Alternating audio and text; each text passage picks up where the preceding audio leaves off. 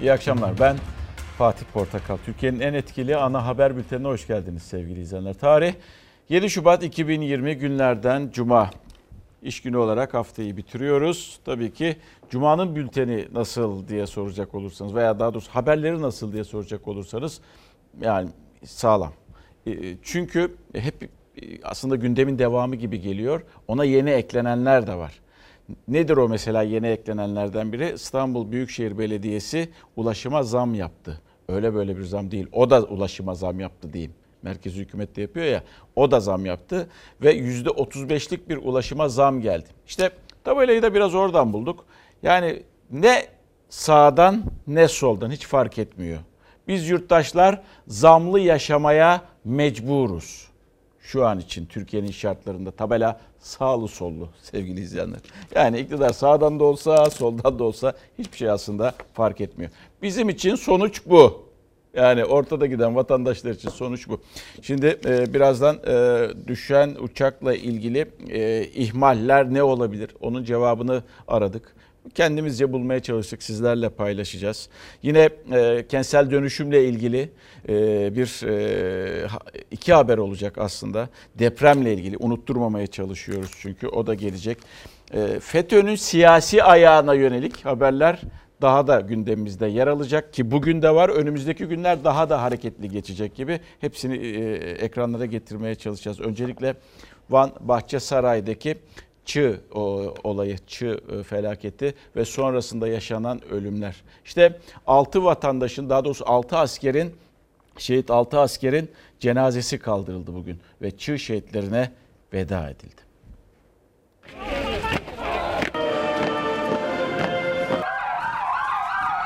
Van'daki çığ felaketinde şehit olan jandarma uzman onbaşı Cihan Erat 27 yaşındaydı. Bekardı. Son kez baba ocağına getirildi, helallik alındı. Cumhurbaşkanı Erdoğan da katıldı cenaze törenine. İstanbul'da Edirne Kapı şehitliğinde defnedildi. Allahu Ekber. Cihan kardeşimin özellikle ve öncelikle ailesine Rabbimden sabırlar niyaz ediyorum. Evli ve bir çocuk babasıydı jandarma uzman onbaşı Ramazan Süslü. Annesinin kalbi dayanmadı 23 yaşındaki oğlunun şehadet haberine. Kalp krizi geçirdi. Ambulansla getirildi tören alanının annesi. Şehit onbaşı memleketi Aksaray'da dualarla uğurlandı. Esselamu aleyküm ve rahmetullah. Jandarma uzman çavuş Özgür Işık daha 3 aylık evliydi. Düğün yapmamıştı. Nisan ayında planlıyordu. 28 yaşındaki şehit Düzce'de Yılgın köyünde toprağa verildi. Nasıl bilirdiniz? Nasıl bilirdiniz? 26 yaşında şehit düştü jandarma uzman onbaşı Özen Akçam. Kız kardeşleri al bayraklı tabutun başından bir an olsun ayrılmadı. Abisinin asker montunu giydi Sıla. Söz verdim tek damla gözyaşı dökmeyeceğim dedi. Şehit Akçam Artvin Ardanuç'ta aile kabristanlığına defnedildi. Helal eder misin? Helal olsun. Helal 28 yaşındaydı jandarma uzman çavuş Oğuzhan Ulaş Avcı. 2 ay önce nişanlanmıştı. 5 kardeşin en küçüğüydü. Kars Arpaçay'daki cenaze töreninde gözyaşları dualara karıştı. Şehit jandarma uzman çavuş Muharrem Keskin de 25'indeydi. Eşi şehidinin şapkasını taktı tören boyunca. Kumsal adında 3 aylık bir kızı vardı. Aydın'ın Çine ilçesinde defnedildi. Allah! Hala bir itfaiyecinin çığ altında bulunduğu çifte felaketle ilgili İçişleri Bakanlığı da harekete geçti. Bakanlık felaketleri soruşturmak için 3 mülkiye müfettişi görevlendirdi. 41 vatandaşı kaybettikten sonra yani soruşturma açsanız ne olur, açmasanız olur. Ne çıkacak? Sonrasında ne çıkabilir? Ne diyecekler? Nasıl bir rapor hazırlanacak? Ha, ihmaller olacaktır diye düşünüyoruz. Çünkü uzman kurtarma e, kurtarma uzmanları bu şekilde ihmalin olduğunu söylüyorlar. Allah rahmet eylesin. Bir daha böyle olaylar yaşamayalım. Temennimiz bu yönde. E, hafta sonu itibariyle o bölgede yine yoğun kar yağışı bekleniyor. Onu da ileteyim. Ve geldik ee, önümüzdeki günlerde yine konuşulacak konular içerisinde Suriye meselesi. Suriye meselesinde İdlib artık. Odaklandığımız nokta İdlib. Ama İdlib'den sonra da biz konuşacağız. Çünkü İdlib'den sonra bu sefer rejimin başka başka isteklerini duyacaksınız. Türkiye diyecek ki Barış Pınar'ını bitir. Türkiye diyecek ki e, Zeytin Dalı'nı, Fırat Kalkanı'nı bitir diyecek. Şimdi ama İdlib'i konuşuyoruz. İdlib'de ee, yine e, Esad ordusunun operasyonu sürüyor İdlib noktasında. E, o bölgedeki önemli iki karayolu var biliyorsunuz. Tam turizm yolları çünkü. E, özür dilerim e, ticaret yolları çünkü ve o, o M4 ve M5 olarak adlandırılıyor. Oradaki en önemli e, yeri ele geçirdiler ve tabii oradaki yeri ele geçirince de o e, yer e, kenti ele geçirince de Türkiye'nin gözlem noktaları vardı ve üç gözlem noktası rejim bölgesinde kaldı. Yani şu anda e, orayla mutlaka irtibat kuruluyor ama eller tetikte bir pozisyonda olduğunu söyleyebiliriz. Peki sorarsanız bana Rusya ile Türkiye arasındaki ilişkiler nasıl diye gergin derim size. Rejim terörist gruplarla mücadele bahanesiyle bundan sonra yapacağı her bir hatanın çok ağır sonuçları e, olacaktır. Suriye ordusu kritik ilçede kontrolü sağladı, gözünü İdlib'e dikti. Ankara Şam'ı uyardı, bölgeye sevkiyatı yoğunlaştırdı.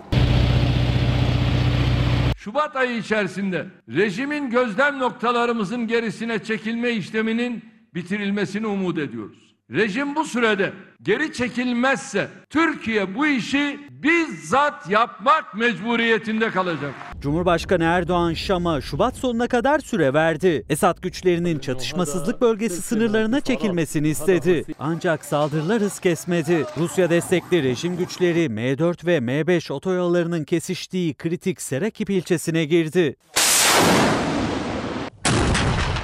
Türk Silahlı Kuvvetleri'nin ilçe yakınındaki 7 numaralı gözlem noktası rejim kontrolündeki bölgede kaldı. Rejim bölgesinde bulunan gözlem noktası sayısı 3'e yükselirken Ankara Şam'ı uyardı. Yapılacak her türlü saldırıya misliyle karşılık verilecektir.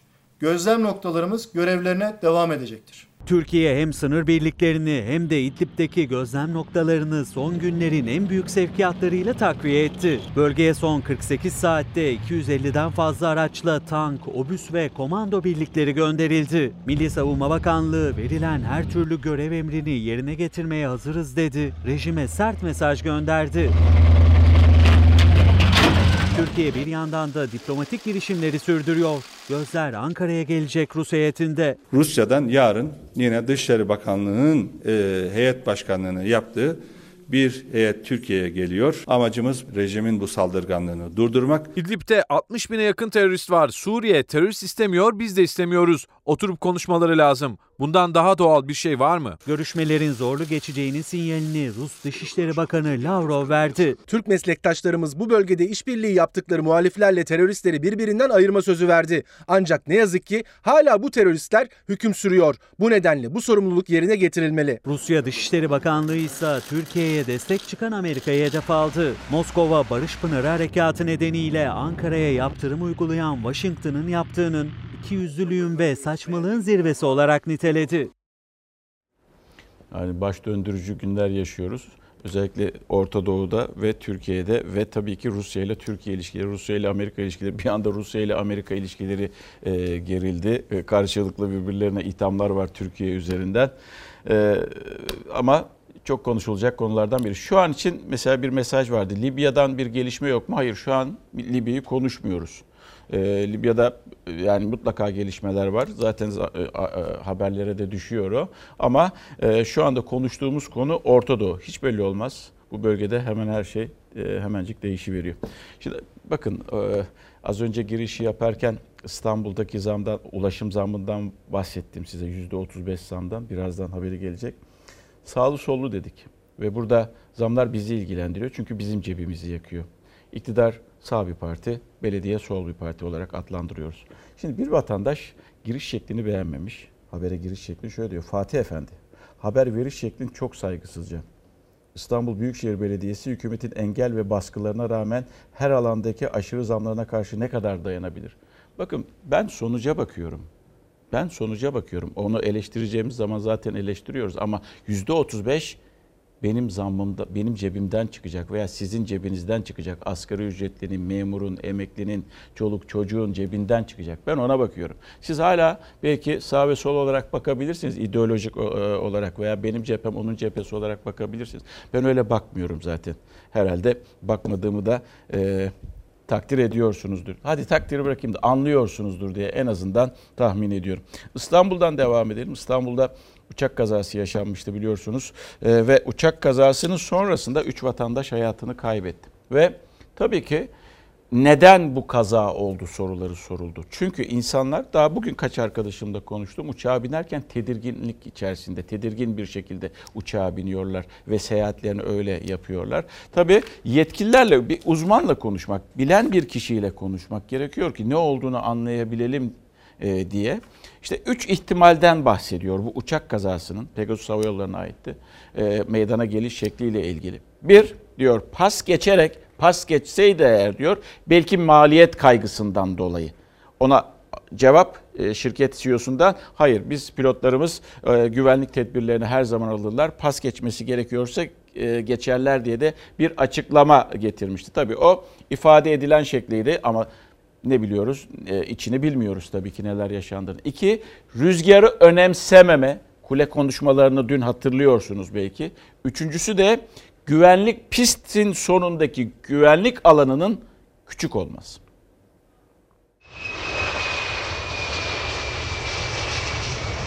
Pilotun o piste kesinlikle inmemesi, arka rüzgarla bu inişi kabul etmemesi gerekirdi. Kule burada pist istikametini değiştirerek bu hata yönleyebilirdi. Sabiha Gökçen'de e, bir pistimiz var. Bu pistimiz çok yoruldu. Hem pilot hem de kule üzerine düşeni yapmadı uzmanlara göre. Üstüne pistin de yorgun olması eklendi. Sabiha Gökçen Havalimanı'nda 3 kişinin yaşamını yitirdiği kaza meydana geldi. Karakutu incelemesi tamamlanana kadar 3 ihtimal üzerinde duruluyor. Yakıt tasarrufu, rüzgarın dikkate alınmaması ve pistin fiziki şartları. Anlaşıldı. Bütün ekipler 2-4'teki çukurun oraya. Birçok dünyadaki havayolu şirketi fazla yakıt harcanmaması için pilotlarına zaman zaman patende fazla beklememesi için bilgi verir. Bu canı taşıyan pilotlardır. Buna gerekli önlemi almak zorundadır. Sizden önceki trafiğimizde pas geçti. Anlaşıldı. Önceki iki uçak pisti pas geçmişti. Kule kuvvetli rüzgar uyarısı yaptı ama kaza yapan Pegasus uçağının pilotu pas geçmeyi tercih etmedi. İhtimallerden ilki pilotların üzerindeki yakıt tasarrufu baskısı. Çünkü pisti pas geçmek 30 dakika daha havada kalmak ve fazladan 500 litre yakıt harcamak demek. Uçak yere çok sert bir şekilde teker koydu. Makaz dedikleri hamleli rüzgar, rüzgar bir sağdan bir soldan.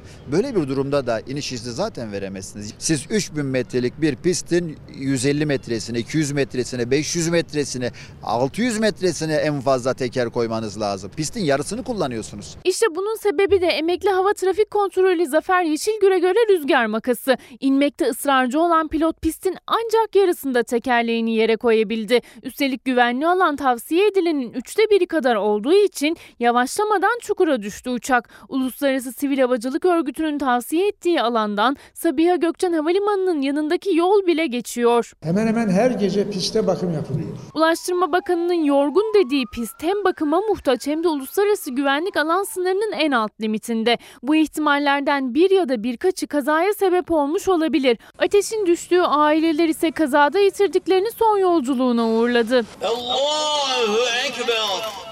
Temmuz ayında evlenen diş hekimi Zehra Bilgi Koçer memleketi Tekirdağ Malkara'da, Alev Gençoğlu ise İstanbul'da uğurlandı son yolculuğuna. 60 yaşındaki Gençoğlu önce uçak saatini sonra da koltuğunu değiştirmişti. Uçağa binerken de söyledi hiçbir şeyim yok geliyorum erkene aldım diye. Koltuk numarasını değiştirmiş değil mi?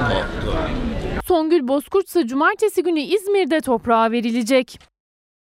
Şimdi geldik bir mesaj daha var. Bu bu güzel bir mesaj. Güzel bir soru bu sağlı sollu demiş. FETÖ terör örgütü sağda mı, solda mı? Böyle de bir soru, enteresan bir soru sevgili izleyenler. Cevap sizce? Her tarafta yayılmışlar adamlar. Kanserli hücre gibi. Her taraflar, her taraflara yayılmışlar. Şimdi ama kriptolar var işlerinde belli gizlenenler. Şu anda biz döndük diyenlerin bazıları bile hala kripto olabilirler.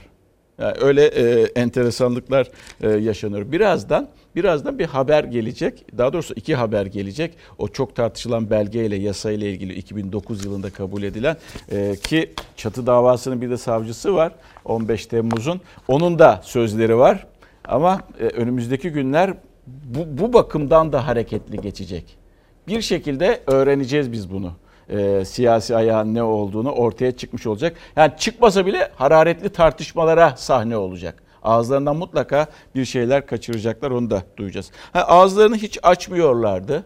Kızılay meselesinde sevgili izleyenler biliyorsunuz Kızılay'da e, Kızılay kullanılarak yapılan bir e, vergi kaçırma, vergi kaçınma iddiası. Onlara göre vergi kaçınma.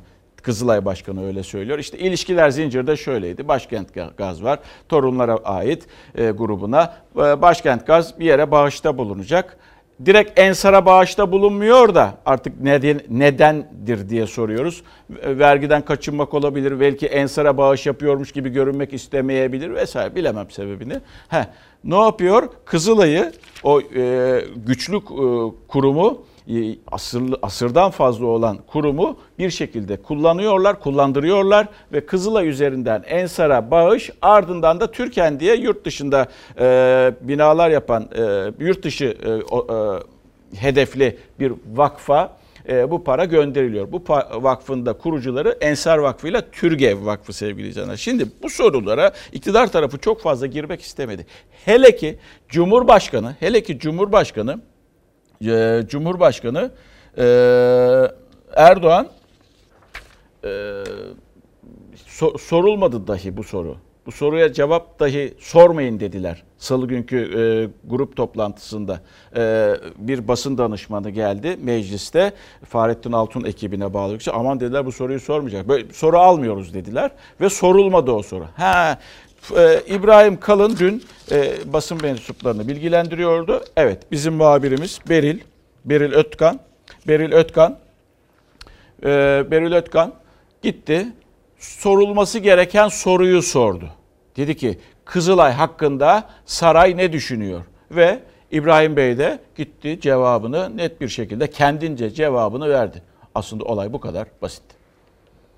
Başkent Gaz'ın Kızılay üzerinden Ensar Vakfı'na aktardığı 7 milyon 925 bin dolarlık e, bağış e, gündemde. Muhalefet bir vergi kaçırıldığını iddia ediyorlar. MHP'nin milletvekillerinden e, Cemal Engin Yurt da aslında bu iddiaya katıldı. E, muhalefetin e, söylemlerinin ne söyleyeceksiniz? Bağışı şartlı hale getiren, şuraya verilmek üzere biz bu bağışı yapıyoruz diyen bağış sahibidir.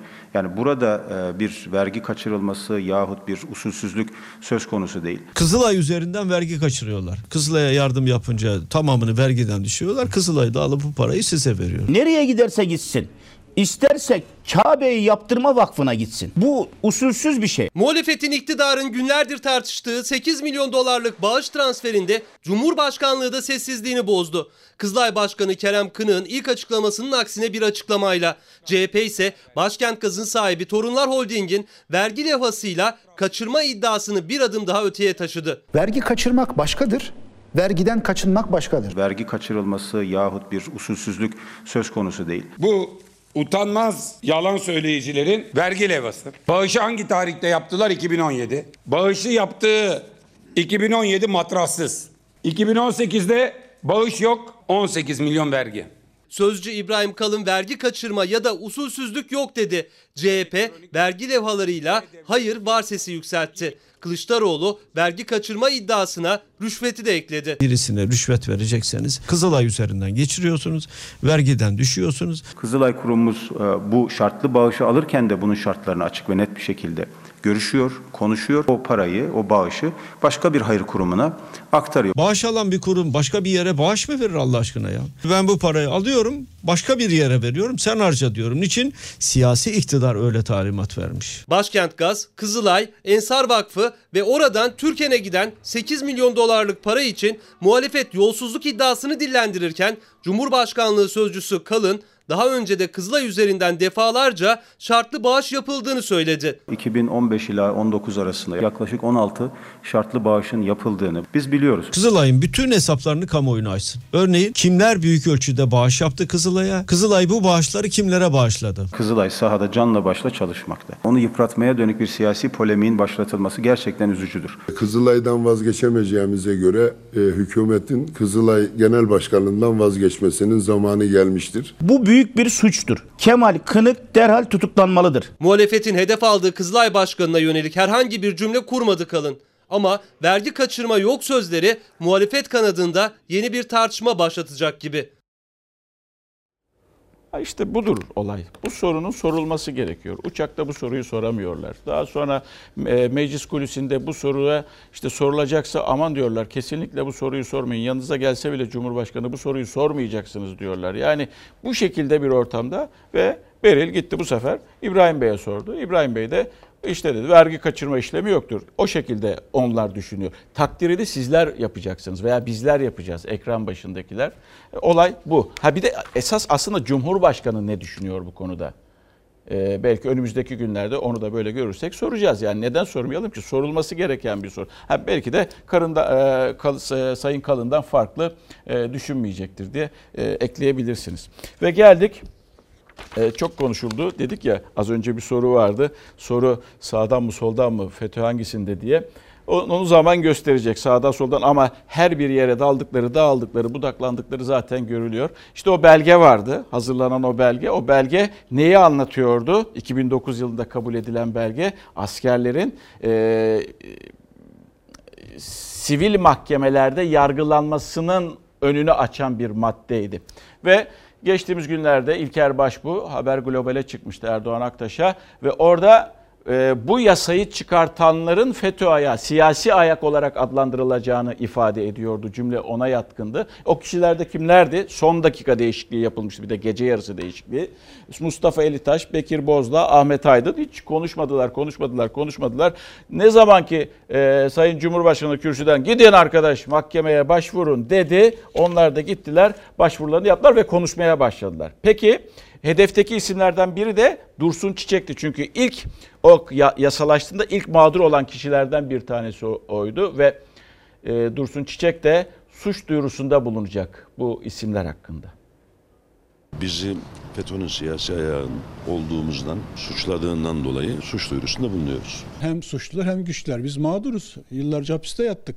Demek ki iyi bir noktaya parmak bastık ki iktidar bu kadar tepki gösterdi. Suç duyuruları karşılıklı geldi. İktidar cephesi eski Genelkurmay Başkanı İlker Başbuğ ve Albay Dursun Çiçek için dönemin Genelkurmay Bilgi Destek Biriminde görevli FETÖ kumpasıyla 5 yılı aşkın cezaevinde yatan Dursun Çiçek ise kumpaslar ortaya çıkarılsın gerekçesiyle suç duyurusunda bulundu. Biri iftira, birisi de e, hakaret suçundan 6 kişinin adını Mustafa Elitaş, Bekir Bozdağ, Ahmet Aydın. Biz şunu söylemiyoruz yani bu imza atanlar komisyon başkanı, Adalet Bakanı mutlak FETÖ'cüdür demiyoruz. Bu e, organizasyonu kim yaptı? Kim getirdi? Arka planda kim var? İşte oradan giderek biz FETÖ'nün siyasi ayağına ulaşabiliriz. Kanun teklifini kim hazırladı? Tamamen FETÖ'nün direktifiyle, emriyle ben hazırlandığı düşündüm. Parlamentonun hukukunu korumak üzere süratle hepiniz dava açmalısınız. Önergeye sahip çıkmak FETÖ şeytanlığına sahip çıkmaktır. Biz de kandırıldık. Bize de birileri böyle dedi. Ama sonradan anladık ki diyorlarsa ayrı. İlker Başbuğ bir yasa değişikliğiyle askerlerin özel yetkili sivil mahkemelerde yargılanmasının önü açıldı. Bu FETÖ'nün istediği bir düzenlemeydi çıkışı yaptı. Sözleri iktidar cephesini kızdırdı. Tepkiler tarafları adliye koridoruna taşıdı. Erdoğan hepiniz dava açın çağrısı yapmıştı. Değişiklik önergelerinin altında imzası olan 6 isim adına avukatlar suç duyurusunda bulundu. Bizi FETÖ'nün siyasi ayağı diye ortaya koymak vatana ihanetle suçlamaktır, iftiradır, yazıktır, günahtır. Meclisi ve bazı üyelerini itham etmedim. Hükümet tasarısında yer almayan iki önergeyi ilk gündeme getiren kim? Nasıl benimsendi? Anayasaya aykırı olmasına rağmen dönemin Cumhurbaşkanı neden ve nasıl onayladı? O kanunla beraber askerlerin e, yargılanma usulü değişti. Askeri yargı saf dışı edildi. Anayasa ihlal edildi. MHP'nin ve CHP'nin başvurusuyla Anayasa Mahkemesi bunu iptal etti. İlker Başbuğ ile birlikte 68 general ve amiral, 125 albay sivil mahkemede içeri atılıyor. Yerine 125 FETÖ'cü yerleşiyor. Milletvekillerini dava açmaya çağırmak onu FETÖ'cüler cezalandıramadı, siz cezalandırın demektir.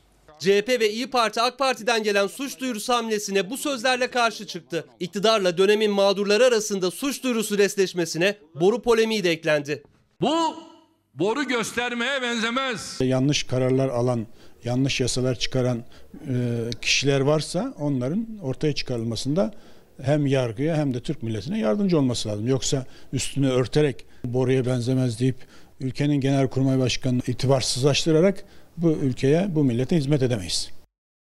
Birazdan çatı e, davasının savcısı 15 Temmuz e, darbe girişiminin çatı davasını yani Akın Öztürk diyeyim ben size anlayacaksınız. E, Genelkurmay ile ilgili o davanın savcısının iddianamesinden alınan bazı e, bölümler var, paragra- paragraflar var. Onu ekrana getireceğiz ama öncesinde bakın Salı günü Erdoğan konuşuyor. Gidin diyor suç duyurusunda bulunun diyor ve 3 isim gidiyor suç duyurusunda bulunuyor. 6 isim diğer vekiller de var. İyi de ben böyle bir zan altında kalacağım. Ben neden bir başkasının e, demesini bekleyeyim ki? Üstünden bir hafta geçmiş. Erdoğan'ın direktifi bekleniyor gibi. Giderim. Benim ismim mi geçti? Giderim hemen savcı. Bir dakika arkadaş ben bu arkadaş hakkında suç duyurusunda bulunacağım derim. Neden bekleyeyim ki ben Erdoğan'ı? Beklemek bile aslında kafalarda soru işaretleri yaratıyor. O da o, o dönemde e, Başbakan Recep Tayyip Erdoğan, grup başkan vekilleri bu beyler ve Cumhurbaşkanı Abdullah Gül, Sadullah Ergin de Adalet Bakanı. Sadullah Ergin de bildiğim kadarıyla partiden ayrılmıştı e, AKP'den. O da Ali Babacan'la birlikte şu anda hareket ediyor. Hiçbir yere bir bağlantı yapmıyorum. Sadece o zamanın e, isimlerinin hangi görevlerde olduğunu söylüyorum sizlere. İki, iki, iki parti arasında İki parti arasında tartışma var. İşte bu yüzden tartışma çıkıyor. O maddeyi diyor AK Parti 2009 yılında CHP diyor biz seninle konuşarak bu yasayı yaptık diyor diğer partilerle birlikte. Diğer taraftan CHP'de diyor ki AK Parti'ye siyasi mühendislik yaptınız diyor ve Özgür Özel bugün mecliste arkasına kağıtları aldı onları yapıştırdı paragraf paragraf yani bir öğretmenin öğrencisine anlattığı gibi anlatmaya çalıştı.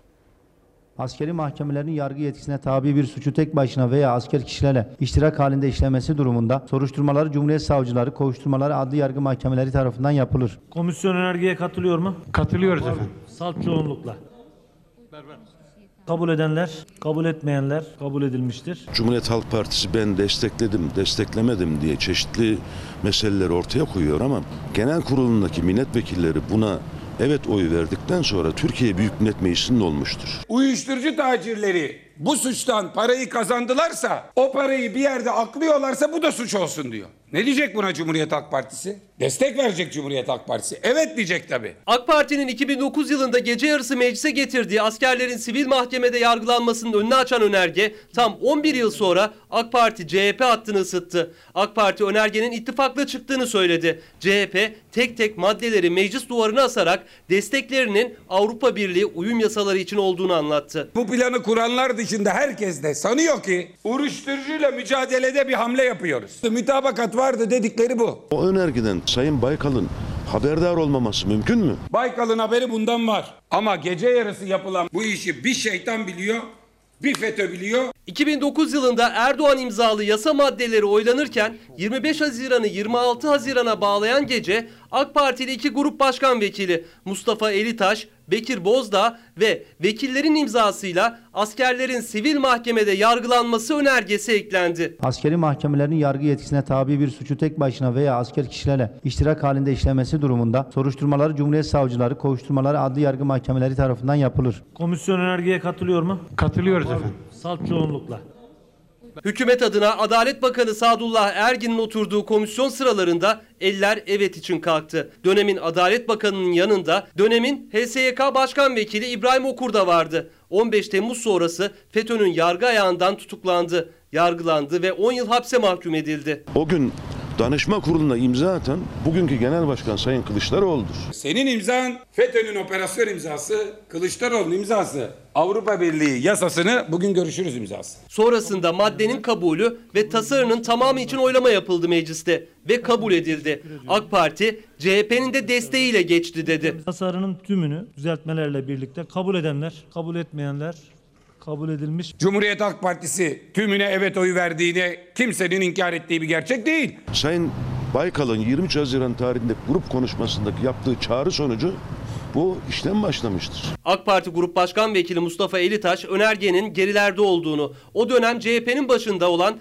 Deniz Baykal'ın 12 Eylül Anayasası'ndan askerin siyasete müdahale maddeleri ayıklansın açıklamaları sonrası iki parti arasında görüşmeler yapıldığını ve dört parti arasında uzlaşma sağlandığı için yasanın öne çekildiğini söyledi. CHP ise görüşmeler Avrupa Birliği uyum yasaları üzerindeydi. Desteğimiz de bununla sınırlıydı dedi. Cumhuriyet Halk Partisi'nden randevuyu AB uyum yasaları ile ilgili kanun teklifimiz hakkında bilgi vereceğiz, destek isteyeceğiz diye kamuoyuyla paylaşıyorlar. Verilen bilgi, alınan destek, yapılan operasyon bambaşka.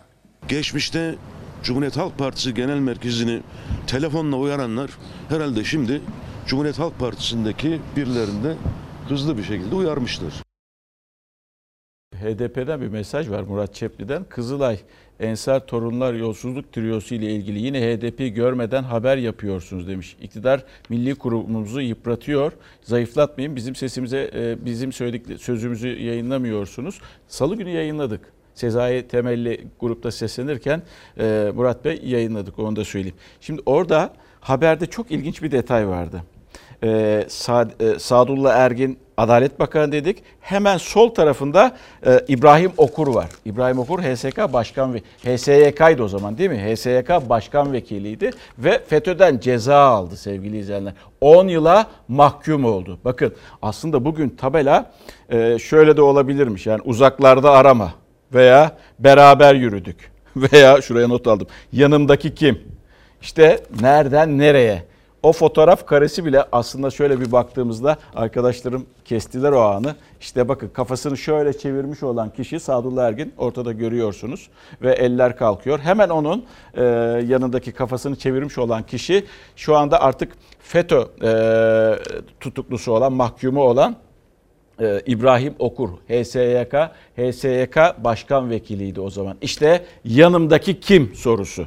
Ben kimseyi zan altında bırakmıyorum. Sadece birlikte yürüdüklerinin ortak bir resmi. Hani birlikte yürüyorlardı ya diyorduk kardeş gibi. İşte bunu anlatan fotoğraf karesi. Daha önümüzdeki günlerde neler neler belki de göreceğiz. O yüzden dedim ya tabela belki uzaklarda aramada olabilir. Ama en güzeli yanımdaki kim bence idealmiş aslında bu akşam için. Geldik. Bu haberi de dinlemenizi rica ediyorum sizden, izlemenizi rica ediyorum sizden. 15 Temmuz darbe girişimi oldu FETÖ'nün. Ve daha sonra da bir çatı dava, Genelkurmay çatı davası iddianamesi hazırlandı. En önemli iddianamelerden biriydi. En önemli iddianame zaten. Çatı dava diyoruz. 15 Temmuz çatı davası savcısı iddianameyi hazırlar.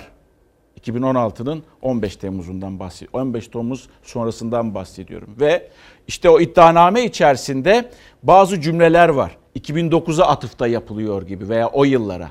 Bakın onlardan bir tanesi bu. FETÖ yani Fethullahçı terör örgütü kanuni düzenlemeleri yaptırabilmiştir. Çatı davası savcısının sözü bu. Ne yapmışlar? Albayları emekli yapmışlar, FETÖ'cülere yer açmışlar. FETÖ'cülere erken terfi, Mustafa Kemal'in subaylarına erken emeklilik, eşittir FETÖ'nün siyasi ayağı. Türk Silahlı Kuvvetleri'ni ele geçirmek için FETÖ'nün parmağı olduğu iddia edilen düzenlemeler, FETÖ'cü savcıların müdahalesi, mecliste yapılan kanun değişiklikleriyle FETÖ'nün eli güçlendi tartışması, 15 Temmuz Genelkurmay çatı davasının iddianamesinde yer alan benzer tespitleri hatırlattı. FETÖ kendisine müzahir elemanların en az bulunduğu 1988 ve daha önceki yıllarda mezun olmuş subayları TSK'dan tasfiye etmek için 3 devreyi birden toplu olarak emekli edecek ve hizmet süresini 28 yıla indirecek kanuni düzenlemeleri siyasi otoriteye yaptırabilmiştir. FETÖ 2015'teki AK Parti grubunda da albayları emekli edip FETÖ'cülere yer açacak güce sahipmiş. Onu söylüyor iddianame. Genelkurmay Başkanı, ikinci başkanı tasfiye edildi. Başka yerlere tayin edildi o şuralarla.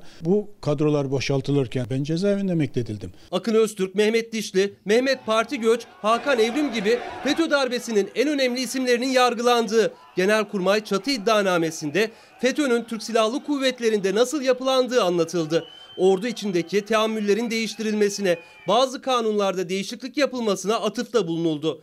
FETÖ'nün 2013, 2014, 2015'te yüksek askeri şuralarda etkisine dikkat çekildi. Savcının en önemli tespiti ise terfilerle ilgiliydi. 2014 yılında rütbe bekleme süresini tamamlamaya bir yıl kalanların erken olarak yüksek askeri şuraya girebilmelerine olanak sağlanmıştır. Yani albaylar 5 sene bekleyecekken 4 sene bekleme süreleri, generaller 4 sene bekleyecekken 3 sene bekleme süreleri öngörülmüştür.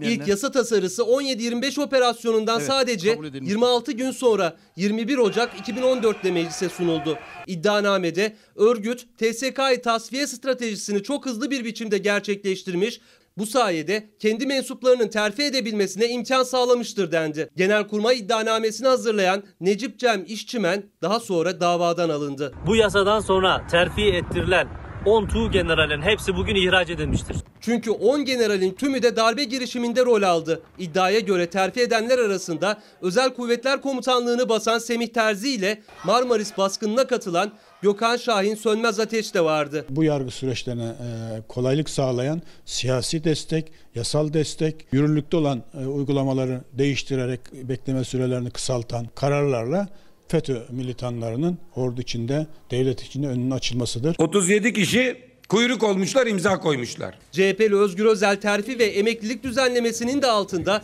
37 AK Parti milletvekilinin imzası var dedi. FETÖ'cüleri kim general yaptı diye sordu.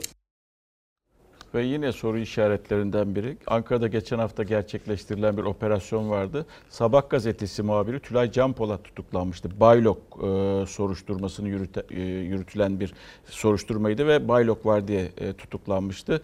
O e, olayın savcısı, araştıran başsavcı vekili e, Ender Coşkun e, görevden alınıyor ve 3 Şubat'ta Başsavcı Vekili Ender Coşkun aniden izne ayrılıyor. Görevden alınarak başka bir şubeye atanıyor. İşte bu da soru işaretleriyle dolu bir olaydı sevgili izleyenler. Ee, bildiğimiz kadarıyla Bülent Arınç'ın damadının temiz dosyasını da hazırlayan savcıydı e, Ender Coşkun. Ve geldik İstanbul'daki zam. Biliyorsunuz zamlı bir yaşantımız var.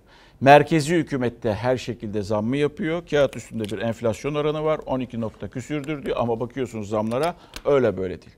Şehirlere bakıyorsunuz mesela İstanbul özelinde konuşacağım. İstanbul özelinde ulaşıma, sadece ulaşıma bakın 16 milyonluk şehirden bahsediyoruz.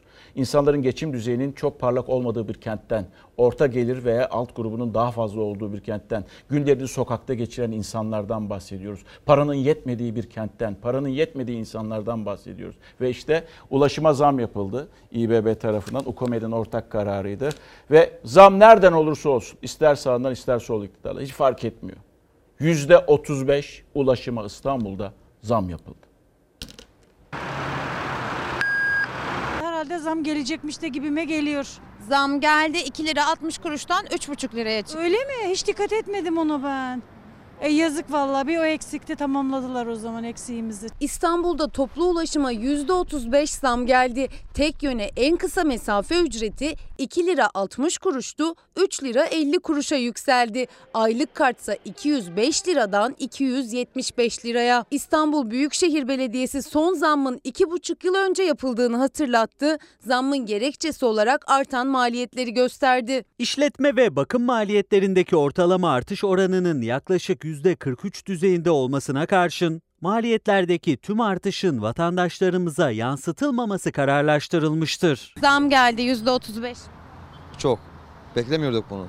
Ee, Ekrem İmamoğlu'ndan beklemiyoruz bunu. Sık kullanan birisi için evine getirecek ekmek parası demektir benim için. İstanbul Büyükşehir Belediyesi toplu taşıma ücretlerine %35 zam yaptı. En kısa mesafe ücreti 2 lira 60 kuruştan 3 lira 50 kuruşa çıktı.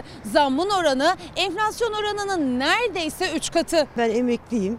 %4 zam gel verdiler. İşte adalet. Otobüs, metrobüs, metro, deniz ulaşımı zam teklifini İstanbul Büyükşehir Belediyesi götürdü Ulaşım Koordinasyon Merkezi'ne. Zammı görüşen komisyonda bakanlıklardan 10, belediyeden 10 bürokrat ve bir de şoförler odasından temsilci var. İddiaya göre bakanlık bürokratlarının teklifi zammın %25 olması yönünde. Ancak 11'e karşı 10 oyla yani bir oy farkla İBB'nin teklifi olan %35'lik zam kabul edildi. Mutfağımızın bir masrafını belediyeye vermiş oluruz. İstanbul Büyükşehir Belediye Başkanı'nın bir konuşmasıyla girmek isterim. İstanbullunun ulaşıma harcadığı parayı azaltacağız. Eğitime harcadığı parayı azaltacağız. O zaman siz seçimden önce bu söylediklerinize İstanbulluları aldatmış olmuyor musunuz? İstanbul Büyükşehir Belediyesi'nin AK Parti Grup Başkan Vekili Tevfik Göksu Ekrem İmamoğlu'nun seçim vaadini hatırlattı. En önemli vaatlerinden biri de öğrencilerin aylık abonmanını düşürmekti. 85 liradan 40 liraya düşmüştü ücreti. O da yeniden 50 liraya çıkarıldı. Yeni tarife 10 Şubat pazartesi gününden itibaren geçerli olacak. Siyasetçi söylediği sözün arkasında duracak. KYK'ya da 50 lira zam geldi ama hiçbir şekilde faydasını göremiyoruz. Geldiği gibi gidiyor direkt. Eyvah yandı oğlum. O mu yandı siz mi yandınız? Vallahi kendi hem çalışıyor hem hem ben yandım hem o yandı. Hayat zor. Bakalım İmamoğlu, Sayın İmamoğlu nasıl bir açıklama yapacak onu da göreceğiz. Ee, hayatımız zam. Hayatımız zam. İleride zaten yani binecek bile belki otobüs bulamayacaklar. O otobüsler boşuna kalacak belki. Doğalgaz alıyoruz. Doğalgazı fazla tüketmeyelim diye e, evlerde açmıyoruz. İnsanlar açmıyorlar. Ve ama bunun alınmış olan doğalgazın parasını da bir taraftan ödüyoruz. İşte e, İstanbul'da zam. Ankara'da da doğalgaz eylemi vardı. Onlar da doğalgaz zamlarına yeter dediler.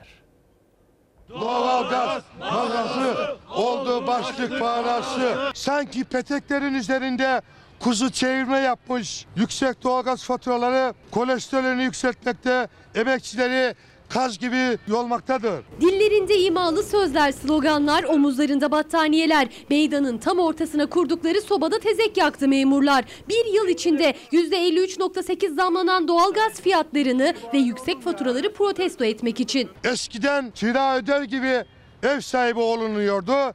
Şimdi kira öder gibi doğalgaz faturası ödüyoruz. Doğalgaz bizim evimizi ısıtmadı, ocağımızı söndürüyor. Eskiden babalarımız derdi ya hanım Allah razı olsun kemiklerime kadar ısındım diye. Kalın eşofmanlarla oturuyoruz elbette ki. Geçen sene 400 liraya ısındığımız gaz bu sene 980 lira geldi. Orayı kız buraya kız kapatıyoruz petekleri 500 lirayı geçiyor işte. Tüketici gazın derecesini kıssa da gelen cep yakan faturalardan şikayetçi. Ama uzmanlara göre hem konutta hem de sanayide azalan gaz tüketiminin bir bedeli oldu. İddialara göre dışarıdan ithal edilen doğalgazda al ya da öde garantisi nedeniyle tüketim alım garantisi verilen miktarın altında kaldı. Rusya Türkiye'ye yaklaşık 2,5 milyar dolarlık kullanmadığı gazın faturasını çıkardı. Al ya da öde anlaşmaları var. Buradan kaynaklanan yaklaşık bir 9 milyar metreküplük bir al ya da öde taahhüdü var. Bugünkü rakamlarla yaklaşık 2.4 milyarlık bir ödeme. Çok devlet garantili köprüler, yollar, hastaneler. Şimdi de gaz ondan bizim haberimiz yoktu. Bir şekilde bizden çıkacak. Bizim sırtımızdan boş beleş giden paralar bunlar. Makine Mühendisleri Odası Enerji Çalışma Grubu Başkanı Oğuz Türk Yılmaz garantili sözleşmenin detaylarını anlattı. Sözleşmenin acilen yeniden düzenlenmesi gerektiğini de. Önceki yıl 46 milyar metreküp tüketilen gazın %10'dan daha fazla artış gösterisini hesabı yapanların mantıklı tartışma konusu olsa gerek. 720 lira geldi ya. Isınamadık ki yine battaniyenin oturuyoruz. Tezek yakarak ses yükselten memurlarsa Kızılay üzerinden Ensar Vakfı'na 8 milyon dolar bağışı yapan başkent Gaza'da tepki gösterdi. Millet sırtına alınan parana yurt dışına gidiyor. Vakıflara değil, emekçiye bütçe. Zamlar önümüzdeki böyle giderse önümüzdeki günlerde de aylarda da zaten devam edecek gibi. Bir vatandaşımızın iletisi de şu. e, Elektrik su faturalarındaki ek ücretlendirmeler sağlı sollu üzerimize geliyor. Su faturalarına eklenen katı atık taşıma bedellerine de lütfen değininiz demiş. Onun için hiç fark etmiyor. Zaten hem işte belediyeler de yapsa, e, genel e, hükümet de yapsa, merkezi hükümet de yapsa bize ekonomimizin durumunu anlatıyor. İçinde bulunduğumuz ekonomik sıkıntının aslında ne olduğunu anlatıyor. Bu da bize, bu da bizi hepimizi yaralıyor. Sizler cebinizi düşünüyorsunuz. Ben cebimi düşünüyorum. Aileler ailelerinin geçimini düşünüyor ve işte o aileler bu geçimi düşünürken ister istemez hesap yapıyorlar ve bir kalemde yapılan zamlar insanları usandırıyor. Bu ülkede 2324 lira asgari ücret var. 2324 lira asgari ücretin olduğu yerde tünel zammı yapılıyor %56, su- gaz- gaza zam yapılıyor yüzde küsür bilmem kaç, elektriğe zam yapılıyor yüzde bilmem kaç, ulaşıma zam yapılıyor yüzde o 35 ve sonrasında insanlar mutsuz oluyor tabii ki. Mutsuz olan insan hayal de kuramıyor. Ondan sonra da siyasetçiler kafalarda sorgulanıyor. Hani yapmayacaktı zam? Hani tasarrufa gidecekti de bu kadar zam olmayacaktı. Bunu sorma hakkı var bu vatandaşın. Onun için sağdan veya soldan hiç fark etmiyor arkadaşlar. İnsanlar bu zammı yapıyor. Zammı yaparken de ister istemez bu bize dokunuyor. Onlara dokunmuyor. Bize dokunuyor. Bizim cebimizden bunlar maalesef çıkıyor. O yüzden her şeyi böyle kafamıza yazmalıyız. Her şeyi kafamıza yazıp unutmamalıyız aslına bakacak olursanız. Biraz fazla konuştum ama bu zamlar artık insanları bezdiriyor. Reklam. Kapatıyoruz sevgili izleyenler. Bizden hemen sonra yeni bölümüyle Yaparsın Aşkım yarışma programı ekranlara gelecek. izleyebilirsiniz. Yarın daha mutlu, daha huzurlu, daha güvenli bir dünya ve tabii ki Türkiye'de buluşmak umuduyla. Hoşçakalın. Ezilir yerler için